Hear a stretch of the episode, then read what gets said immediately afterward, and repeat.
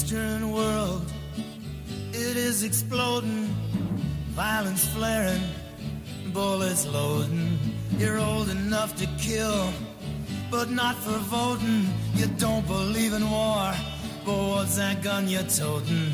And even the Jordan River has bodies floating, but you tell me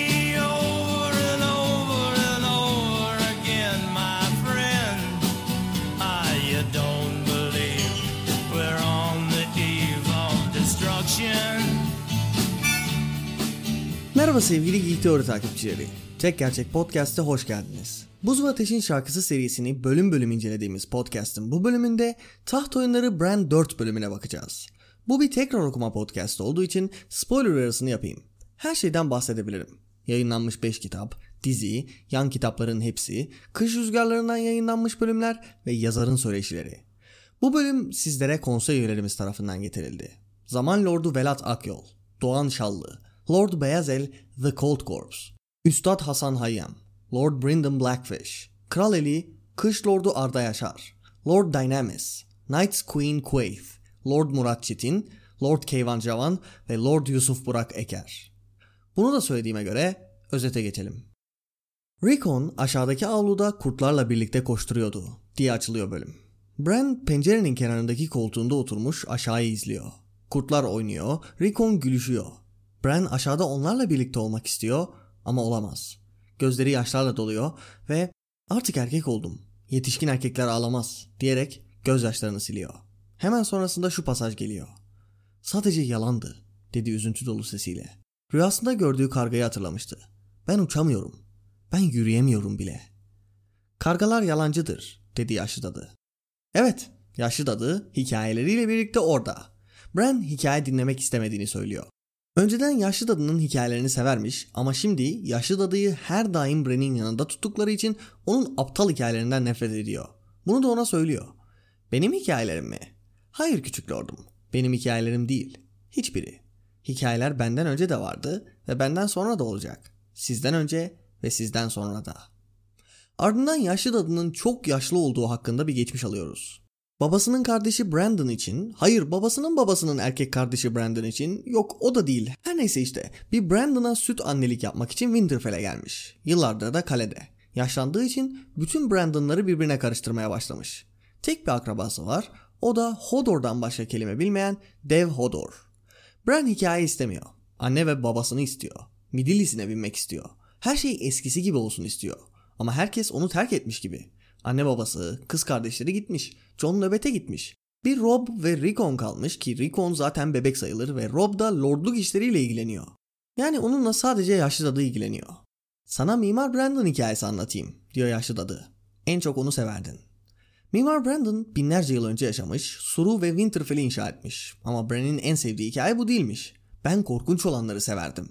Ah benim tatlı yaz çocuğum. Sen korkuyu ne bilirsin ki? Korku kışta gelir benim küçük lordum. Kar 30 metre yükselir. Korku uzun gecede gelir. Gece çöker ve güneş yıllarca yüzünü göstermez. Çocuklar karanlıkta doğar, büyür ve ölür. Ak gezenler ormanlarda dolaşır. Yaşlı dadı bu noktadan sonra ötekilerin korkunçluklarını ve son kahramanlığı anlatmaya başlıyor. Uzun geceyi sonlandırabilmek için ormanın çocuklarının yardımını arayan, tüm dostları, atı ve köpeği bu arayışta ölen ve ağır yaralanan biri bu. Tam yaşlı dadı ötekilerin tazı büyüklüğündeki soluk beyaz örümcekleriyle son kahramanı kovaladığını anlatırken kapı çarparak açılıyor ve içeri Üstad Luwin ve Hodor giriyor. Bran'i salona götürecekler çünkü ziyaretçiler gelmiş. Kimmiş peki bu ziyaretçiler? Tyrion Lannister, birkaç muhafızı ve birkaç gece nöbetçisi. Salona geldiklerinde Bran Rob'u görüyor. Babasının yüksek koltuğunda oturmuş, kınından çıkardığı kılıcını dizlerinin üstüne yatırmış. Bran bile bu hareketin ne anlama geldiğini biliyor. Rob, gece nöbetçilerinin her adamı Winterfell'de arzu ettiği kadar kalabilir. Hoş gelmişlerdir, diyor. Tyrion da, gece nöbetçilerinin her adamı ama ben değil, diyor. Rob sertçe karşılık veriyor ve Tyrion, bir lordsan lord nezaketini öğrenmen lazım. Görüyorum ki Lord babanın tüm nezaketini piç kardeşin almış, diyor. Rob, Bran'e anlatacağın şeyler olduğunu söylemiştin, işte burada, diyor. Tyrion, Bran'e bir hediye getirdiğini söylüyor. Ata binmeyi sevip sevmediğini soruyor. Üstten Lewin çocuğun bacaklarını kullanamadığını, bir atın üstünde oturamayacağını söylüyor. Tyrion ise saçmalık. Doğru bir at ve eğer sayesinde bir sakat bile at sürebilir diyor. Bunu duyan Bran gözleri yaşlarla dolu bir halde ben sakat değilim diye bağırıyor. Tyrion ben de bir cüce değilim o zaman diyor. Bran'in sesle komut almak için eğitilmiş bir at ve özel tasarım bir eğerle at sürebileceğini açıklayan Tyrion'u dinleyen Bran heyecanlanıyor. Gerçekten ata binebilecek miyim diye soruyor. Rob bu bir tuzak mı Lannister? Bran'e neden yardım etmek istiyorsun ki diye soruyor. Çünkü kardeşin Jon benden bunu yapmamı istedi. Ayrıca kırıklara, sakatlara ve piçlere karşı bir şefkat var kalbimde. Bu sırada salonun kapısı açılıyor ve Rickon içeri giriyor. Onunla beraber ulu kurtlar da salona dalıyor. Tyrion'a hırlıyor ve etrafını sarıyorlar. Belli ki cüceyi öldürecekler. Saldırmaya başlıyorlar. O sırada Bran hayır diye bağırıyor ve Summer'ı çağırıyor. Rob ve Rickon da kendi kurtlarını çağırıyorlar. Tyrion bir espri yapıyor ve dönüp gitmeye başlıyor. Tam o sırada Luwin bir dakika deyip Rob'un yanına koşturuyor. Kulağına bir şeyler fısıldıyor ve Rob duruşunu düzeltiyor. Winterfell konu severliği isterseniz emrinizdedir diyor. Samimiyetsiz nezaketini istemiyorum diyen Tyrion kış kasabasında bir han gördüğünü, geceyi orada geçireceğini söylüyor. Gece nöbetçileri kalırken Tyrion'la muhafızları gidiyor. Bran odasına geçiyor ve rüyasında karanlık bir kuleye tırmanıyor. Yine yerden binlerce mil yukarıda ve tek yol yukarısı. Tepede eski aslan gargoyulları var ve konuşuyorlar. Bran onları dinlememesi gerektiğini düşünürken kırmızı gözlerini ona çevirip tırmandığı yere doğru düşmeye başlıyorlar. Bran duymadım bir şey duymadım diye bağırarak uyanıyor. Akşam yemeğini gece nöbetçileriyle yiyorlar ve Rob Yoron'a John hakkında sorular soruyor. Ardından Benjen amcayı soruyor. Yoron Benjen'ın duvarın kuzeyine gittiğini ve uzun zamandır geri dönmemiş olduğunu söylüyor. Büyük ihtimalle ölmüştür. Bunu duyan Rob sinirleniyor, ayağa kalkıyor ve elini kılıcının kabzasına koyuyor. Amcam ölmedi diye bağırıyor. Siz ne derseniz lordum diyen Yoron yemeğine dönüyor. Bran yaşlı dadının anlattığı hikayeyi düşünüyor ve çocuklar ona yardım edecektir diyor. Ormanın çocukları. Lewin ormanın çocuklarının binlerce yıldır ölü olduğunu söylüyor. Ama Yoren bu dediğiniz burası için doğru olabilir ama surun ötesinde neyin ölü neyin canlı olduğunu bilmek kolay değil diyor. Rob Bran'i yatağına taşıyor ve mumu söndürüp karanlıkta duruyor. Sonunda Bran geri gelecekler mi diye soruyor. Evet diyor Rob. Annemiz kısa zaman içinde evde olacak. Belki biz atlarla gidip onu yolda karşılarız. Sonra kuzeye gideriz ve John'a haber bile vermeyiz. Bir gün öylece karşısına dikiliriz. Tam bir macera olur. Bir macera diye tekrarladı Bran. Abinin hıçkırıklarını duyabiliyordu.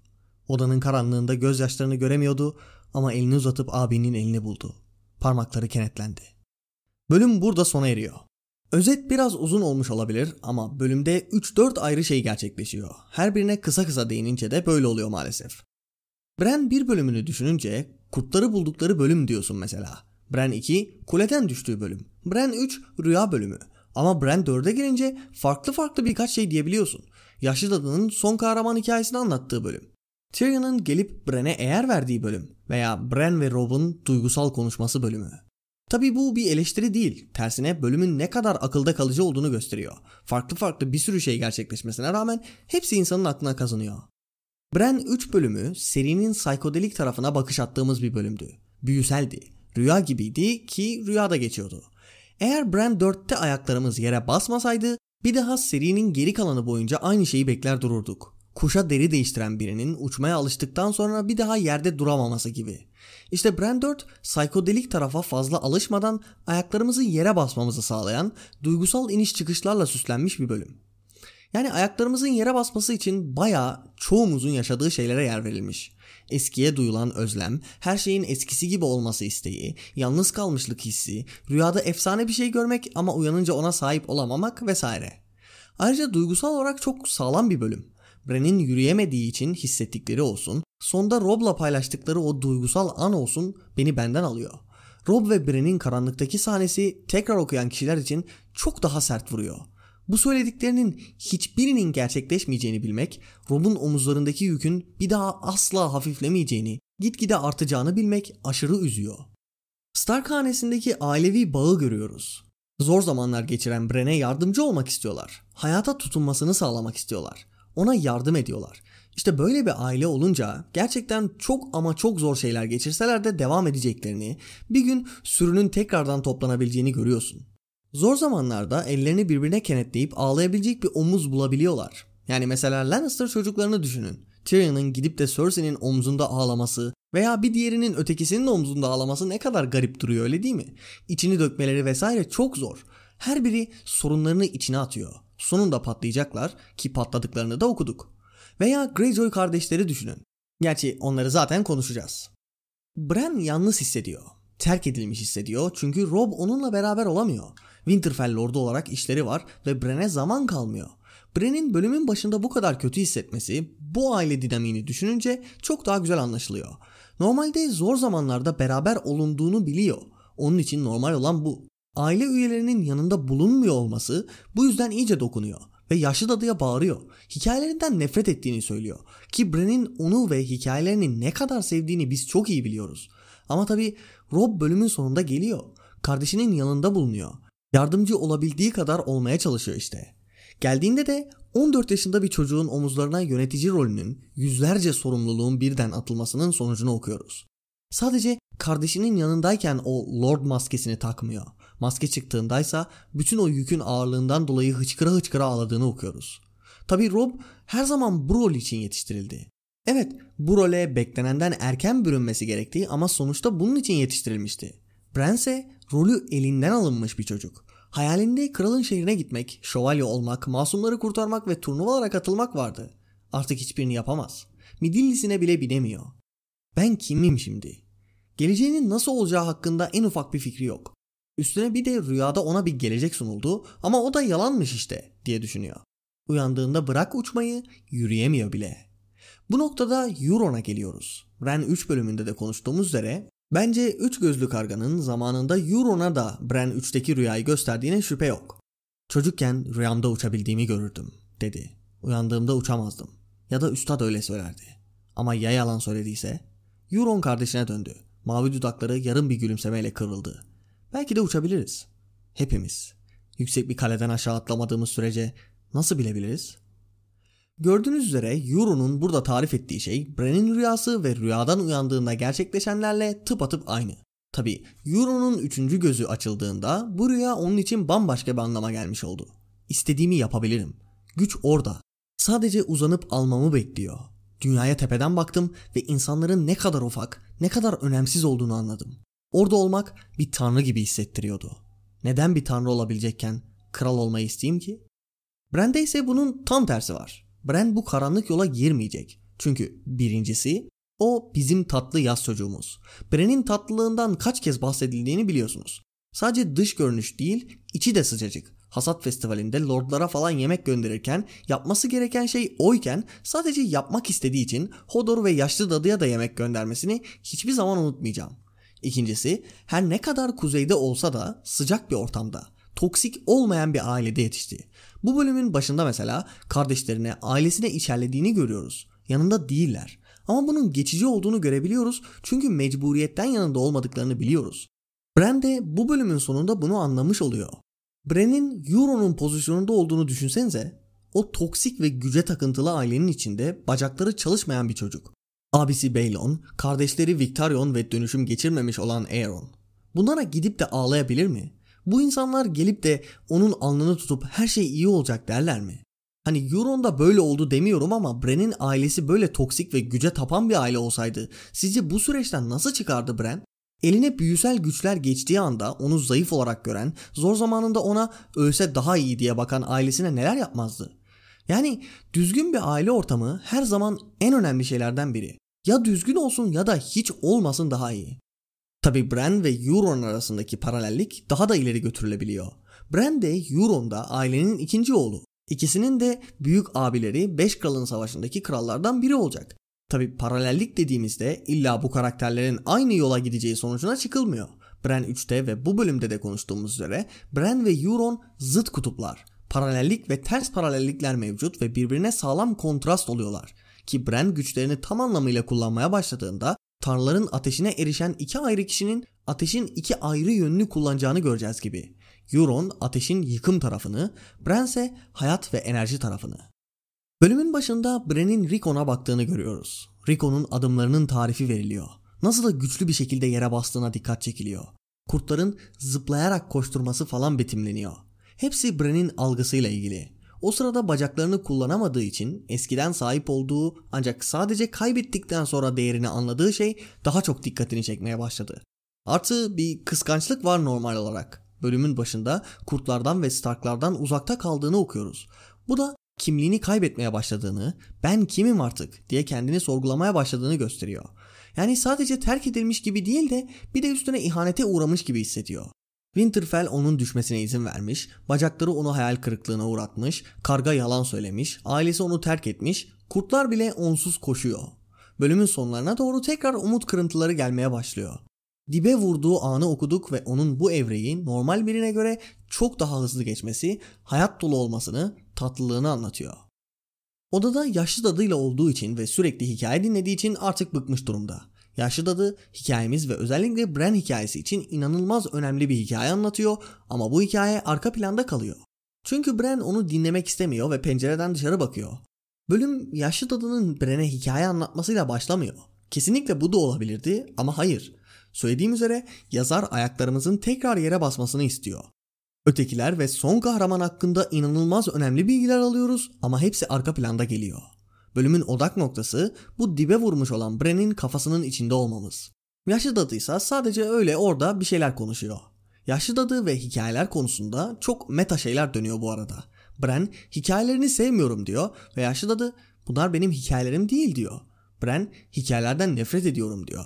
Yaşlı dadı hikayelerden nefret eden bir çocuk hakkında bir hikaye var diyor. Yani hikayelerden kaçmak mümkün değil. Hikayeleri sevmeyen ve onlardan kaçmak isteyen biri bile olsan o konu hakkında bir hikaye vardır. Bundan kaçış yok. Madem yok, Bran de sevdiğim hikayeler diyerek korkunç olanları istiyor. Ve yaşlı dadı yine meta konuşmaya başlıyor. Hem hikayenin içinde hem de dışında harika anlamlara gelecek şeyler söylemeye başlıyor. Bran korkunç hikayeleri severim dediğinde yaşlı dadı bunu toyluk olarak alıyor. Sen korku nedir bilir misin diyor. Korku nedir bilmediğin için bu hikayeleri seviyorsun ya zaten. Binlerce ve binlerce yıl önce daha önce hiç görülmemiş uzunlukta sert ve soğuk bir kış çökmüştü dünyanın üzerine. Gece bir neslin hayatı boyunca sürmüştü. Krallar tıpkı ahırlarında ölen domuz çiftçileri gibi titreyerek ölmüştü kalelerinde. Kadınlar çocuklarının buz tutarak öldüğünü görmektense elleriyle boğarak öldürmüşlerdi evlatlarını. Ağlamışlardı ama sıcak gözyaşları yanaklarında donmuştu. Yaşlı dadı ve elindeki iğneleri aynı anda sustu. Üzeri zarla kaplanmış gözleri ve bembeyaz kesilmiş yüzüyle Bren'e baktı. Böyle hikayelerimi seviyordum. Yaşlı dadı burada adeta kafayı kaldırıp kameranın içine bakarak böyle hikayelerimi seviyordun diye soruyor. Bu hikayeler kanını dondurmalı. Bunlarla neşelenmemelisin. Çocuklar korku hikayelerini sevdiklerini sanarlar. Ama gerçekten bir canavar seni avlamaya çalışıyorsa işler değişir. Yaşlı dadı kafasını kaldırıp böyle hikayeleri mi seviyordun diye sorduğunda eğer bu hikayeler senin favorinse bu senin hakkında ne anlatıyor? İnsanların çektiği acılar ve çocuklarını boğan anneleri dinlemek mi istiyorsun? Bunlardan zevk mi alıyorsun? Elbette bunları dinlemek istiyorsan bu senin kötü biri olduğunu göstermez. George korku janrasında da yazmış olan bir yazar. Hayır, sana sunulanı üstüne düşünmeden kabul etmek sıkıntı. Korku janrasının sana hissettirmek istediği şey o ne güzel insanları değişik şekillerde öldürüyorlar değil. Kesinlikle bunu yapmaya çalışanlar da var ve zaten bu tartışmalı bir konu ama asıl olay olanlara ilgi duyuyorsun çünkü bu insanların ölmesini istemiyorsun. Koltuğunda dimdik oturuyorsun çünkü empati kuruyor ve kaçmak istiyorsun. Bu kadar. Yaşlı dadı da bunu anlatmak istiyor. Bren'in korku hikayelerinin yanlış yönüne odaklandığını aktarmak istiyor. Bren o sırada ak gezenlere, tazı büyüklüğünde örümceklerle insanları avlamalarına, çocukları öldürmelerine falan odaklanıyor. Dadıysa empati kurmasını, kendini bu insanların yerine koymasını istiyor.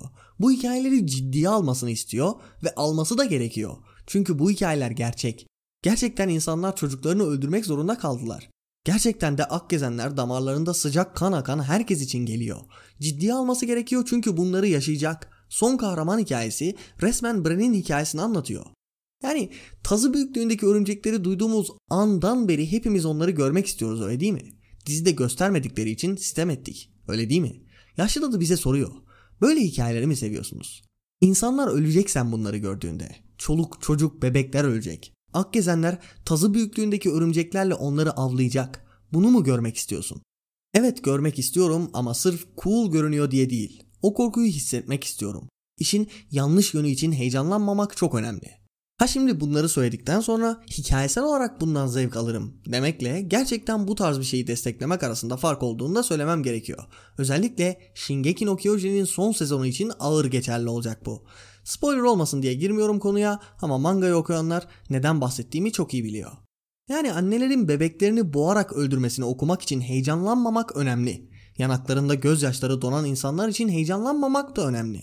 Martin bu yanaklarda donan gözyaşları olayına birçok kez değiniyor bu arada. Seride birçok noktada buna değindiğini görecek ve hatta birkaç noktada buna şahit olacağız. Sem'in gözyaşları ilk insanların yumruğundan kaçarken yanağında donacak. Bu tasviri bayağı kuvvetli buluyorum çünkü sağlam anlamlar taşıyor. Dünya o kadar zalim ki senin gözyaşların onun umrunda bile değil. O kadar soğuk ki gözyaşların bile yanağında donuyor. O kadar önemsizsin ki ağlaman bile olayları kötüleştiriyor. O kadar korkunç bir durumdasın ki ağlamak gibi temel insani bir şeyi bile yapamıyorsun. Ve tabii yaşlı dadının böyle hikayeleri mi seviyorsun demesiyle Bren'in sorgulamasının başladığını görüyoruz. Evet diyor gönülsüzce ama yaşlı dadının söyledikleri olayları sunuş şekli ona dokunuyor. Bundan gerçekten korkmaya başlıyor. Böyle bir şeyi engelleyebilecekse engellemek ister artık. Euronsa bunu duyduğunda ''Aa harika şu ölü ordusunu yönetmek ne güzel olurdu. O kadın ve bebeklerin çığlıkları kulağıma tatlı bir müzik gibi gelir.'' diye düşünür. İşte anlatmak istediğim ve yaşlı dadının anlatmak istediği şey de bu ikisi arasındaki fark. Tabi bu hikaye yarım kalıyor. Bren'i alıp salona götürüyorlar. Orada Tyrion ve Rob'la karşılaşıyoruz.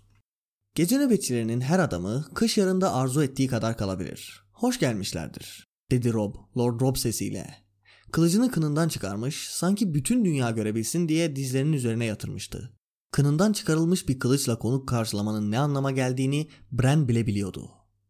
Şimdi geldik misafir hakkına. Rob normal olarak Tyrion'a misafir hakkını vermiyor. Neden normal olarak diyorum? Çünkü o sırada Lannister'lardan ağır şüpheleniyorlar. Jaime'nin Bran'i öldürmeye çalıştığını, suikastçıyı onların gönderdiğini düşünüyorlar. Burada misafir hakkının detaylarına inmeyeceğim. Kanalda ilk insanların kanununa göre Kral Kim isimli bir videoda ayrıntılarıyla konuştum. Sadece bölümde olan olaya değinmem gerekiyor. Rob, Tyrion'ın misafir hakkını vermeyecek şekilde karşılıyor. Tyrion bir hediye verip ardından ayrılmaya doğru hamle yapınca Luwin hemen bir dakika deyip Rob'un yanına gidiyor ve kulağına bir şey fısıldıyor. Bir dakika lordum dedi Üstad Luwin. Rob'un yanına gitti ve fısıltıyla bir şeyler konuştular. Bran ne söylediklerini duymaya çalışıyordu ama sesleri ona ulaşmıyordu. Rob sonunda kılıcını kınına koyup ayağa kalktı. Ben, ben size karşı kabalık etmiş olabilirim lordum. Kardeşim Bran için son derece düşünceli bir şey yaptınız ve Rob duruşunu düzeltmek için çabalıyordu. Kış yarı konukseverliği isterseniz sizin de emrinizdedir. Burada Rob'un misafir hakkı ritüelinde bir hata yaptığını düşünüyorum. Misafir hediyesi gelince kılıcını kaldırıp misafir hakkını sunması gerekiyordu sanırım. Sanırım diyorum çünkü bundan emin değiliz. Neden böyle düşündüğümü açıklayayım. Tyrion ayrılırken Luwin'in bir dakika diyerek Rob'un kulağına bir şeyler söylemesi ve ardından Rob'un hemen kılıcı kaldırmaya, duruşunu değiştirmeye çalışması sanki yapılması gereken bir şeyi atlamış hissi uyandırıyor. Bu kesinlikle Tyrion nazikçe davranmasına rağmen ona konukseverce davranmamış olmasından kaynaklanıyor olabilir. Ama sanki geleneksel bir şeymiş gibi de duruyor. Her iki durumda da bu Rob'un yönetimde çok toy olduğunu gösteren bir şey. Zaten bölüm bunun göstergeleriyle dolu. Ona geçmeden önce sahnemize dönelim. Bölümün başında Bran'in kimliğinden kopmaya başladığından, kurtlardan ve Starklardan ayrı kaldığından bahsetmiştim. Buradaysa bu bağın tekrar kurulduğunu görüyoruz. Babasının, ailesinin koltuğunda Stark Lord'uyla beraber oturuyor. Sahneye kurtlar da gelecek. Artı Tyrion'la beraber Bran'e bir umut geliyor. Ortam bayağı gerginken özel tasarım eğer mevzusu açılınca sakinleşiyor. Odasından çıkabilme şansı geliyor. Ata binebilecek olduğunu öğreniyor. Hani bir sorguluyor bunu çünkü uçacaksın da denmişti ve bu bir yalan çıktı ama yine de işlevsellik kazanıyor işte. Tyrion'un bu iyiliği yapmasını 3 sebebe bağlayabiliriz. Birisi hafif bir suçluluk duyması. Abisi ve ablasının bu işte bir parmağı olduğundan şüphelendiğini, hatta belki direkt bu sonuca vardığını ilk Tyrion bölümünden beri biliyoruz. İkincisi kırık, sakat ve piçlere olan hassasiyetinden geliyor. Üçüncüsü de kendisine de bu tarz bir yaklaşım sergilenmiş olmasını isterdi. Direkt Bren'in pozisyonunda olmanın nasıl bir şey olduğunu bilmiyor belki ama burada ona en yakın hissedebilecek olan kişi Tyrion. Yani iyilik yaptı işte. İnsanlar iyilik yapamaz mı? Neden bu kadar üstünde durdun diye düşünüyorsanız Tyrion'un öyle boşu boşuna iyilik yapması pek alışa geldik bir şey değil diyebilirim. Ejderhaların Dansı karakter hikayesi analizinde de konuştuğumuz üzere Tyrion bayağı faydacı biri. Bu tarz iyilikleri pek sık yapmayan biri. Kurtların odaya daldığı sahneyi direkt atlıyorum çünkü sevmediğim şeyler kısmında değineceğim. Bir diğer salon görüşmesine yani gece nöbetçileriyle olan görüşmeye geçtiğimizde Rob'un ergenliğini görüyoruz. Hemen pasaja bakalım. Çok uzun zaman diye ekledi Yoren. Artık ölmüş olduğu kesin gibi. Amcam ölmedi diye karşılık verdi Rob. Sesi öfkeli ve yüksekti. Ayağa kalktı ve elini kılıcının kabzasına götürdü. Beni duyuyor musunuz? Amcam ölmedi. Sesi taş duvarlarda yankılanıyordu ve Bran birden çok korktu. Fark ettiyseniz Rob bayağı sinirli. Sadece bu bölümde değil, önceki bölümlerde de bunu görebiliyoruz. Joffrey ile avluda talim yaparken iki laf gelince hemen sinirleniyor, küfürler ediyordu. Catelyn 3 bölümünde Bren'e suikastçı yolladıklarını duyduğunda hemen kılıcını çekip sert sert konuşmuştu. Burada da Yoren, Rob'un sinirlenmesini gerektirecek hiçbir şey söylememiş olmasına rağmen parlayıp elini hemen kılıcına atıyor. Rob'un bayağı genç olmasından kaynaklanıyor bu sinir. Ergen olduğu için kanı kaynıyor. John'da da vardı bu hatırlarsanız. Ayrıca hadi diyelim öncekilerde sinirlenmesi normaldi de bu yorum mevzusunda ayağa kalkıp bağırması falan bayağı boştu. Bunun sebebi de omuzlarına binen yükle alakalı. Zaten ergen bir de yüzlerce lordun, binlerce insanın sorumluluğu üstüne binmiş durumda. Aşırı stresli olduğunu, Lord Rob yüzünü korumaya çalıştığını biliyoruz. Bölümün sonunda da duygu boşalması yaşıyor zaten. Hüngür hüngür ağlıyor. Rob'un hikayesi gittikçe ilginçleşecek. Yazar daha yeni yeni onun derinine inmeye başlıyor. Serideki en sevdiğim ilişkilerden birinin Catelyn ve Rob ilişkisi olduğunu söylemiştim. Gerçekten her okuyuşumda o bölümleri iple çekiyorum. Rob'un öfkesine hakim olmayı öğrenmesi, Lord ve daha sonrasında kral yüzünü takınması ama bütün o maskenin altında 14-15 yaşlarında bir çocuk olması, babasını, kardeşlerini kaybeden ve hanenin, kültürünün devamı için son umut olduğunu düşünen biri haline gelmesini okuyacağız. Rob'un bu siniri onda da Ned'in bahsettiği o kurt kanı olduğunu gösteriyor. İma bölümünde bunu konuşacağız. Bölümün sonundaki konuşma gerçekten ağır koyuyor. Rob ve Bran dibe vurduklarını düşünüyorlar. Buradan kurtulmak için kendilerine şu şu olacak diyorlar. O söylediklerinin hiçbiri gerçekleşmiyor. Bran ve Rob at sürerek annelerini karşılamaya gidemiyor. John'u bir daha görmüyorlar. O macera dedikleri şeylere atılamıyorlar. Tam tersine her şey daha da berbat oluyor. Sevdiğim ve sevmediğim şeylere geçelim. Sevdiklerimin başında zaten Rob ve Bran'in insanın içine dokunan sahnesi geliyor. Yaşlı dadıyı sevmemek mümkün değil zaten. Rob'un yükünü görmemiz ve Tyrion'un hediyesi de çok güzel. Sevmediklerimde ise Tyrion'a saldıran kurtlar var. Bunu önceki bölümlerde konuşmuştuk. Orijinal plana göre Tyrion Winterfell'i yakacaktı. Ancak Winterfell'i yakan kişi Tyrion olmadı. Plan değişti. Ama değişmesine rağmen ilk kitapta bu olay için birkaç ima kaldı. Şimdi önceden bu serinin ilk planına yapılan imaların büyük çoğunluğunun bir sıkıntı olmadığını söylemiştim ki zaten öyle. Nereye bakacağınızı bilmezseniz fark edemeyeceğiniz şeyler bunlar. Bu ilk plan için yapılan bazı altyapılar bazen sıkıntı oluyor. Jaime'nin doğu muhafızı olması hikayesinin hiçbir yere bağlanmadığından bahsetmiştim. İşte bu Tyrion'un Winterfell'i yakacağına yapılan imalar biraz fazla olmakla beraber özellikle bu bölümdekiyle beraber yeni bir seviyeye ulaştı. Hadi önceki birkaç bölümde bu gerçekleştiğinde bunu rahatlıkla Stark'ların o sıradaki hislerine falan bağlayabilirdiniz. Ama burada artık göz ardı edilemeyecek bir hal alıyor. Üç ulu kurt birden hırlayıp Tyrion'a saldırıyor. Ardından Rob'la beraber okuyucuya neden böyle davrandılar ki sorusu sorduruluyor. Yani ilk kez okuyan birinin aklına bile takılacak bir şey bu ve cevabı yok. En azından şimdilik yok. Belki gelecek kitaplarda ufaktan bir yere bağlamaya çalışır ama oturup oturmayacağını göreceğiz artık. Bir de bölümün tonunu şak diye değiştiriyor bu kurt saldırısı. Tyrion iyi bir şey yapıyor, ortamdaki gerginlik kalkıyor gibi oluyor, sonra tekrar daha da gerginleştirecek olan bu saldırı gerçekleşiyor. Garip durduğu kesin. Theon'dan artık bahsetmiyorum bile. Bölümde birkaç kez adı geçiyor ama bayağı boş yapıyor. Artık kaçıncı kez söylediğim üzere yazar Theon'un hikayede bu kadar öne çıkacağını bilmiyordu. Onu POV yapmaya karar verdiği anda hem Theon hem de demir doğumlu hikayesi öne çıkmış oldu. Ama önceki Theon'un çok az sahnesi var ve onlar da önemsiz. Mesela bu bölümde öyle boş boş konuştuğunu görüyoruz. Tyrion'un bir esprisine gülüyor o kadar. Dizide mesela Theon'un önemli hale geleceğini bildiklerinden bu sıralarda ona sahne veriyorlardı. Tyrion dışarı çıktığında Theon onun yanına gidip Rose'u öneriyordu. Tyrion da isyandan bahsediyordu. Balon Greyjoy oğlunu böyle görse ne düşünür falan diyordu ki ikinci sezon için harika bir altyapı bu. Tabi Tyrion'un Theon'u aşağılaması pek oturmamıştı ama olsun. Her ne kadar şu sıralarda George Theon'u derinleştirmemiş olsa da gelecek kitaplarda karakterini değiştirmiyor. Bu bölümde gülüyor, dalga geçiyor vesaire. İkinci kitapta da tam olarak tanıyabildiğimiz Theon'un karakterine uygun bu. İma ve altyapılara geçtiğimizde Rob'un ölümü için birkaç ima bulunduğunu söyleyebilirim. Birisi birkaç bölümdür gördüğümüz o çabuk sinirlenmesiyle geliyor. Rob'da Ned'in şimdi okuyacağım pasajda bahsedeceği kurt kanı olduğunu rahatlıkla söyleyebiliriz ve bu kurt kanının erkenden mezara girmek anlamına geldiğini aynı pasajda alıyoruz. Ah Arya, senin içinde vahşilik var çocuğum. Buna kurt kanı derdi babam eskiden. Lyana'nın içinde de vardı bir parça ve Brandon'ın içinde de bir parçadan çok daha fazla. İkisini de erkenden mezara soktu Okan. Bunun üstüne Rob'un Tyrion'ı karşılayış şekli var. Şimdi sadece Tyrion için bunu yapsaydı bunu ima olarak almak mümkün olmazdı ama seride birkaç kez bunu yaptığını göreceğiz. Yani misafir hakkını reddedişlerini saymadım ama sık yaptığı bir şeymiş gibi geliyor.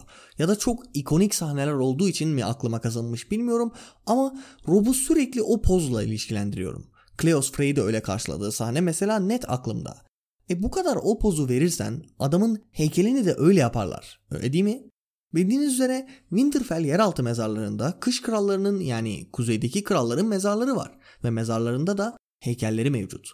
Misafir hakkını reddeder şekilde yapılmış bu heykeller. Bir kış kralı ya da yeni adıyla kuzeydeki kral olan Rob bu pozu sık verdiğinden atalarının yanına erkenden gitmesini anlayabiliyorum. Bölümde Hodor'un adıyla ilgili bir pasaj var. Hemen bakalım. Hodor'un gerçek adının Walder olduğunu ve Hodor isminin nereden çıktığını kimsenin bilmediğini itiraf etmişti. Eh, Hodor adının nereden çıktığını hikayedeki karakterler bilmese de diziyi izleyenler olarak biliyoruz.